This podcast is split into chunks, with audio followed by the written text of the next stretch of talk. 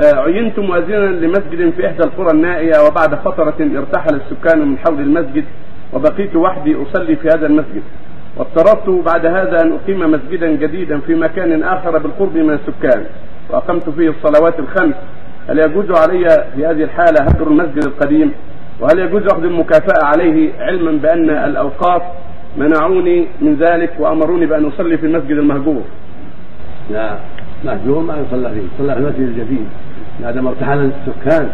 ما بقي عنده سكان يصلي معه في المسجد الجديد ويصلي بهم فيه. والمسجد القديم يباع على من يريده لحاجات أخرى ويصرف ثمنه في مسجد آخر يحتاجه المسلمون. يباع لمن يريده سكنا وتصرف قيمته في مساجد أخرى الناس في حاجة إلى تعميرها في الأحياء السكنية الجديدة. وعلى الاوقاف أن تعمل هذا على وزارة الأوقاف أن تعمل هذا. أما أن تأمره بيبقى المسجد الذي ليس فيه أحد هذا غلط. غلط من الاوقاف ان صح ما قال.